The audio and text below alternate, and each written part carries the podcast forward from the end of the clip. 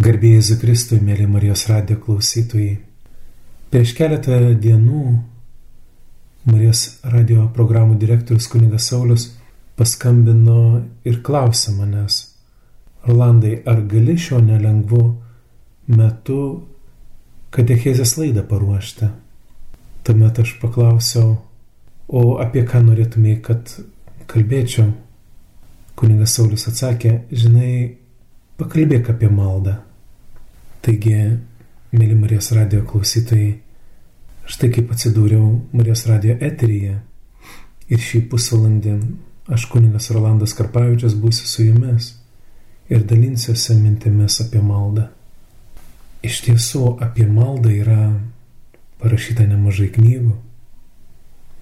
Manau, ir čia Marijos radio studijoje daug yra buvę įvairiausių laidų Pagaliau įvairių šventieji yra kalbėję apie maldą. Ir va, kartais atrodo, ką dar gali pasakyti.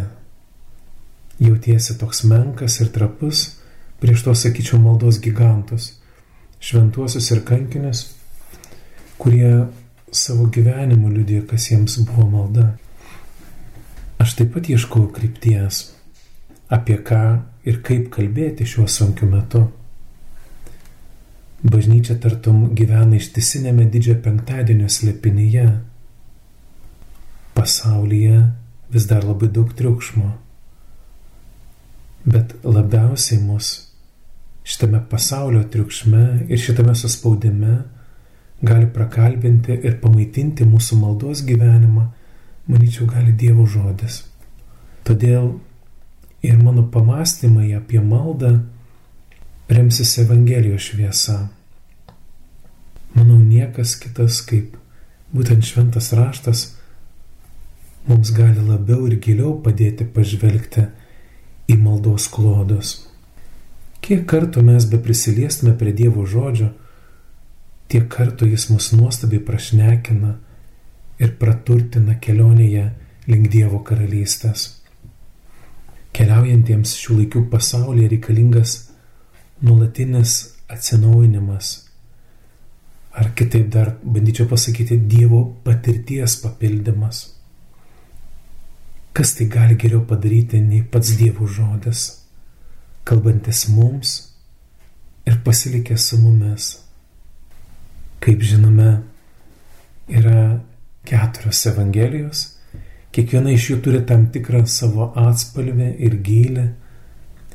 Kiekvienas evangelistas leidžia mums kitaip pamatyti mūsų išganytoją ir patirti jo gydančią jėgą. Ir šiandieną mano akiratyje bus du evangeliniai tekstai. Juos pasirinkau iš Mato Evangelijos ir per juos pamėginsime panirti į šiuos plačius mūsų tikėjimą atveriančius ir sustiprinančius dalykus. Kas yra Dievo žodis? Dievo žodis mums yra kaip kokia bazė. Bazė, į kurią mums nuolat ir nuolat reikia sugrįžti, pasipildyti dvasinio atsargų, stiprinančių mūsų tikėjimą, viltį ir meilę. Savo Fiziologinėme gyvenime mes nuolat einame į parduotuves, perkame tai, kas gyvybiškai mums reikalinga - maistas, drabužiai, vaistai. O, o dvasiniam gyvenimui mums reikalingas taip pat Dievo žodis. Tai yra ta bazė. Ir pažvelkime, visus didžiuosius žmonės jau ką be kalbėti apie šventuosius maldai įkvepia šventasis raštas. Sakyčiau, netgi kai kuriais momentais istorijoje netgi nebuvo galimybės jį ištisai skaityti, arba jis buvo ta kalba parašytas, kurią tu nesupranti, bet kai kurie šventieji stengdavosi netgi išsirašę kai kuriuos evangelinius tekstus ar švento rašto kitas vietas, jais kasdien maitinti savo gyvenime. Bet pastebėkime, šventoji kūdikėlė Jėzaus Terese. Jis turėjo tą savo mažutę užrašų knygelę, kurioje buvo išrašyto švento rašto ištraukos. Ir jomis stengdavusi apmastyti tą Dievo žodį ir semtis jėgų savo dvasiniai kelioniai. Be Dievo žodžio įkvėpimo mūsų malda, jinai apauga įvairiomis nepagėdaujamomis sąmonomis ar žyvėmis, kurios ilgainiui gimdo abejingumą, apsipratimą, užsidarimą savo keutę, o kartais netgi radikalizmą. Be švento rašto, noriu atvirai sakyti, mūsų tikėjimas viešpačiu palaipsniui ima trauktis, nykti. Mes pradedame labiau įtikėti savimi ir savo pastangomis. Ir šitoks tikėjimas, jeigu tai galėtume pavadinti tikėjimu kabutėse, uždaro mus pačius į labirintą ir neleidžia įsileisti šventosios dvasios gūšių dvelgsmo, kurie per dievų žodį pravedina mūsų kartais jau pelėsiais apskretusi dvasinį gyvenimą. Kai popiežius Jonas 23 buvo išrinktas būti vietininku Romos popiežiumi, tai tuomet jis prakalba apie tokį dalyką, kad, nu, laikas, sako, pravedinti Vatikano koridorius ir sušaukė antrąjį Vatikano susirinkimą. Tai mūsų gyvenime, kaip bažnyčios, kad gyvenime vyksta ir mūsų gyvenime, taip pat reikalingas šitas pravedinimas, kurį gali atlikti šventoji dvasia, būtent Dievo žodžio šviesoje. Užsidarimas savyje lyg kokiame stiklainyje ir savo privačiame dvasinėme gyvenime yra pavojingas ne tik tikintiems pasauliečiams, bet ir mums kunigams bei pašvestų gyvenimų žmonėms. Esame kiekvienas pakvestas leisti Dievo žodžiui išjudinti mus ir pravedinti. Juk evangelinė žinia mus visada išlaisvina. Jaunimėlis sakytų, užkrauna mus. Demono tikslas visada yra mus laikyti sukaustytus, gyvenančius savo iliuzijų tam tikrame pasaulėlyje.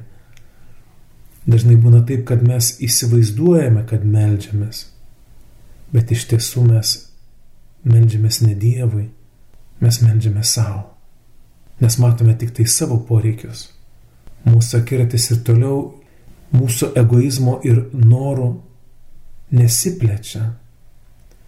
Štai kodėl pasakiau, kad tokia malda mūsų uždaro lygi kokį stiklainį, kažkokį vakumą. Kas dar atsitinka mūsų maldoje be Dievo žodžio? Mūsų malda praranda gyvybę. Pasidarome lyg vaškinės figūrėlės Madame Tuso muziejuje. Teko būti Londone ir lankytis muziejuje ir na, iš tiesų kai kurios tos padarytos vaškinės statulos, nu jos tokios realiai gražiai atrodančios, žavios. Taip, nors tos figūros labai puikiai žavinčiai atrodo. Daugelis netgi bando fotografiją pasidaryti su kokiu nors įžymiuoju ar įžymėja, tačiau visi suprantame, kad šiuose vaškinėse figūrose nėra gyvybės. Nors tai gali būti ir gražu, bet tai butaforija.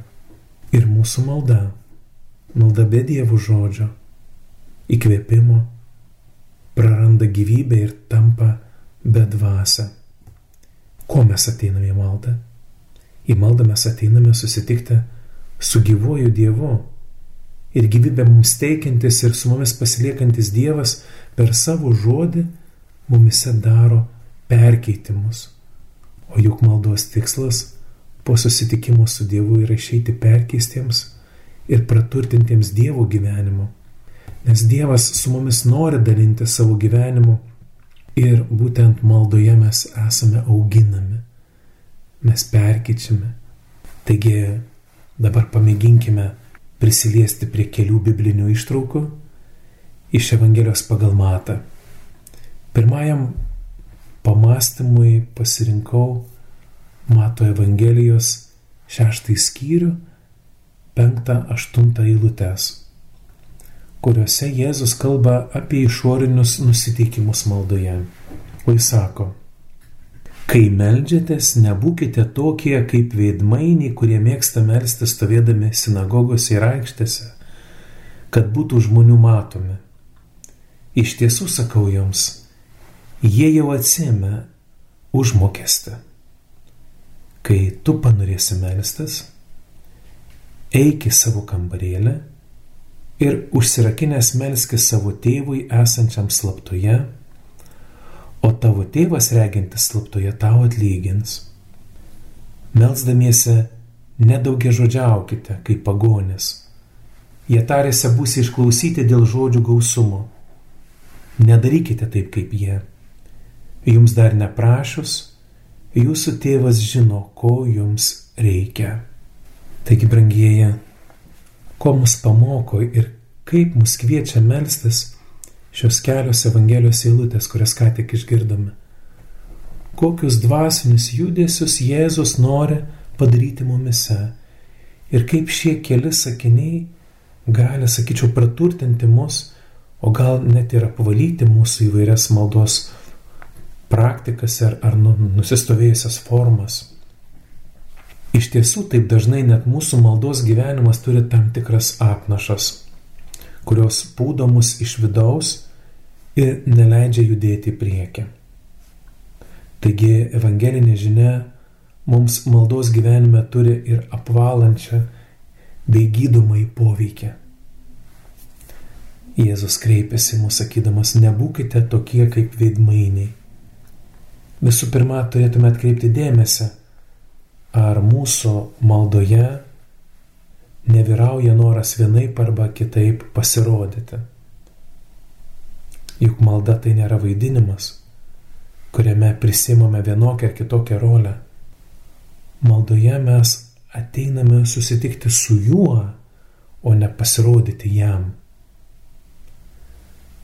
Taip dažnai noras būti dėmesio centre įvairiose gyvenimiškose situacijose gali įtakoti ir mūsų santykių su Dievu.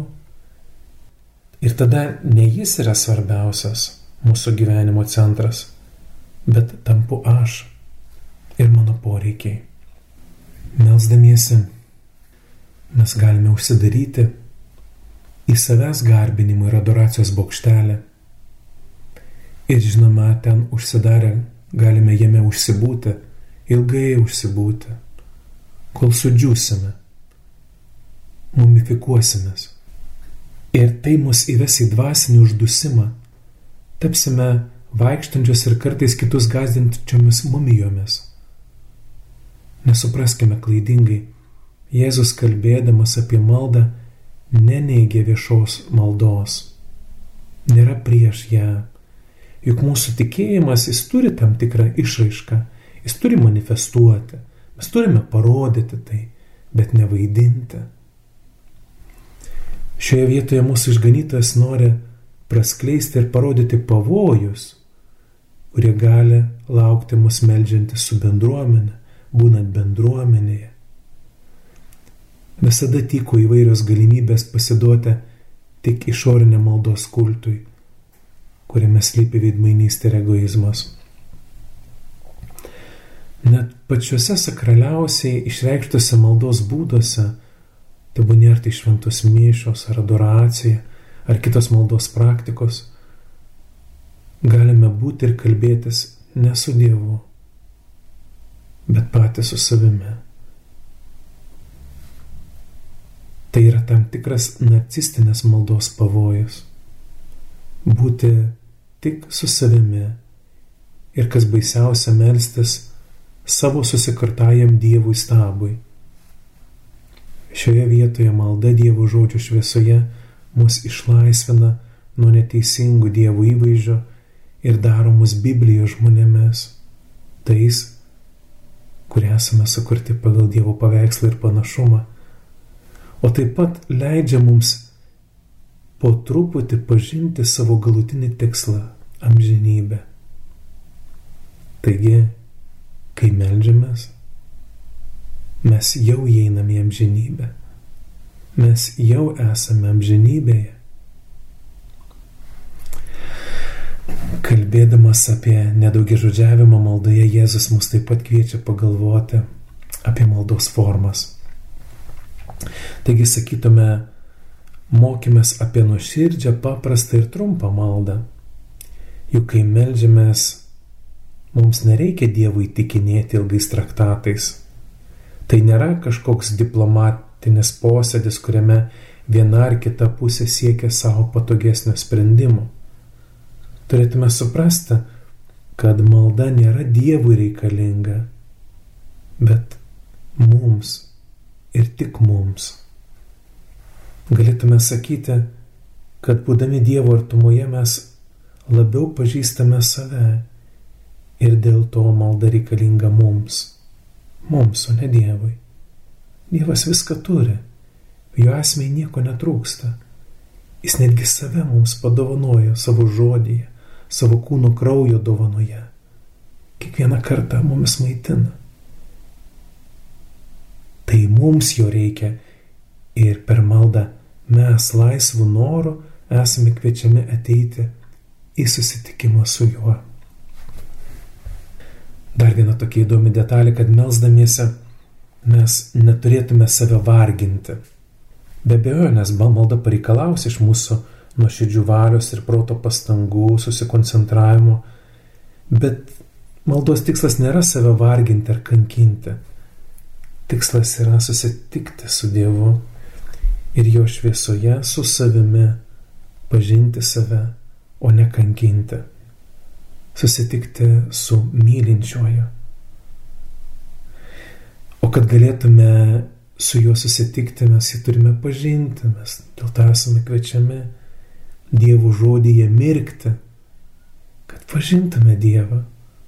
Tada nebėgsime nuo jo, o lauksime šito susitikimo laiko su mylinčiuoju. Dar kitas labai svarbus momentas, kai kad malda mums yra maistas o neretai ir vaistas. Todėl ir laikas bei įvairios formos turi būti pasirinkamos taip išmintingai, jos turi būti pritaikomos įvairiems gyvenimo atvejams. Daugia žodžiavimas mus veda į tam tikrą robotizmą ir formalizmą. Mūsų prigimtis nėra nukreipta būti robotu ar kokiu nors kitų mechanizmu, bet mūsų prigimtis yra gyva ir skirta santykiui gyvam asmeniniam santykiui. Viešame Dievo garbinime taip pat svarbus yra kiekvieno mūsų asmeninis ryšys su viešpačiu. Manau, į tai ir kviečia mus atkreipti dėmesį šios kelios evangelijos eilutės ištartos Jėzaus lūpose. Eikime toliau. Kita mūsų evangelinė ištrauka, prie kurios šiek tiek prisiliesim, yra pavadinta ištverminga malda. Tai mato Evangelijos 7 skyriaus 7-11 eilutės, kuriuose viešpats sako, prašykite jums bus duota, ieškokite ir rasite, belskite ir jums bus atidaryta. Kiekvienas, kas prašo, gauna, kas ieško, randa ir beldžiančiam atidaroma. Argi atsiras iš jūsų žmogus, kuris savo vaikui prašančiam duodos duotų akmenį, arba jeigu jis prašytų žuvies, nejaugi duotų jam gyvatę. Jeigu tad jūs, būdami nelabi, mokate savo vaikams duoti gerų daiktų, juo labiau jūsų dangiškasis tėvas duos gerą tiems, kurie jį prašo. Jau turbūt klausantis pastebėjote, kad labai daug veiksmažodžių ir jie visi mus kreipia maldos linkui. Jėzus net pailustruoja per žmogaus santykių su vaiku kaip kaip viskas vyksta, jei malda savyje turi ištvermingumo charakterį. Taip dažnai pasitaiko, kad įvairiose situacijose mums pritrūksta atkaklumo ir ištvermės. Labai daug dalykų priklauso nuo ištvermės. Priešais mūsų akis atsiveria valios pastangos paremtos išmintingais proto sprendimais. Juk ne vienas mokslininkas ar sportininkas, menininkas, gydytojas, politikas ar bet kurios kitos profesijos ar pašaukimo atstovas mums galėtų paliūdyti, kad labai svarbi išmintimi paremta ištverme. Ne vienas atradimas, kuris perkeitė žmoniją, žmonės istoriją ar sportinis pasiekimas neįvyko be, be nuširdaus atsidavimo ir ištvermės. Taigi, jei žmonijos istorijos pasiekimuose ir atradimuose taip labai svarbią vietą užima ištvermė, tai kaip ji negalėtų būti svarbi ir mūsų dvasinėje kelionėje ir visame maldos gyvenime. Mūsų girdimas žodis ieškokite, hebrajiškai skamba kaip daraš, iš kurio kildinamas žodis midraš. Tai reiškia studijas, nulatinį ieškojimą. Iš tiesų, kaip yra sakoma, gali nuolat būti studentu, visą gyvenimą gali būti studentu. Tai reiškia, nuolat gali būti judėjime, ieškojime. Nulatinis judesys link tikslo. Ir maldoje tikintysis nuolat ieško, kaip toje psalmėje. Tavo viešpatė veido aš ieškau, nuo manęs savo veido neslėpkia. Argi tai nėra nuostabu nuolat judėti Dievo link? Studijos švento rašto taip pat yra nuolatinis judėjimas. Per šventąjį raštą, per Dievo žodį mes pažįstame viešpatį, o paskui jį pažindami būname su juo, melžiamės, garbiname, šloviname. Kai tikintysis, kas jis bebūtų, pasaulietis, kunigas ar pašvesto gyvenimo atstovas, sustabarėję savo patogiuose maldos formuose ar ritualuose, jo dvasinis gyvenimas ima degraduoti. Šioje evangelinėje ištraukoje viešpats mus kviečia į dialogą. Kiekvienas, kas prašo, gauna, kas ieško, randa, beldžiančiam atidaroma. Tik dialogas mus išveda iš dvasinio sustingimo. Pažvelkime į žmonių gyvenimą, kai nebėra dialogo tarp sutoktinių, artimųjų, draugų ar kolegų, prasideda santykių krizė. O kada atsiranda tikėjimo krizė? Kai nustojame kalbėti su Dievu, kai nepažįstame Jo, kai nepažįstame Dievo žodžio, tada prasideda pasitarimai su savimi. Kai su tikėjimu ieškoma, prašoma ir beldžiama, įvyksta stebuklas. Neleiskime maldai mumise ritualizuotis nes tai nužudys mūsų tikėjimą. Ir noriu pabaigti šią katechizę trumpą maldą. Ateik viešpatė į mūsų gyvenimą, pripildyk jį savo evangelinės šviesos, kuri padėtų mums eiti tavo keliu, pažinti tavo tiesą ir gyventi tavo gyvenimu, kuris yra meilė ir gailestingumas. Amen. Laidoje kalbėjo kunigas Rolandas Karpavičius.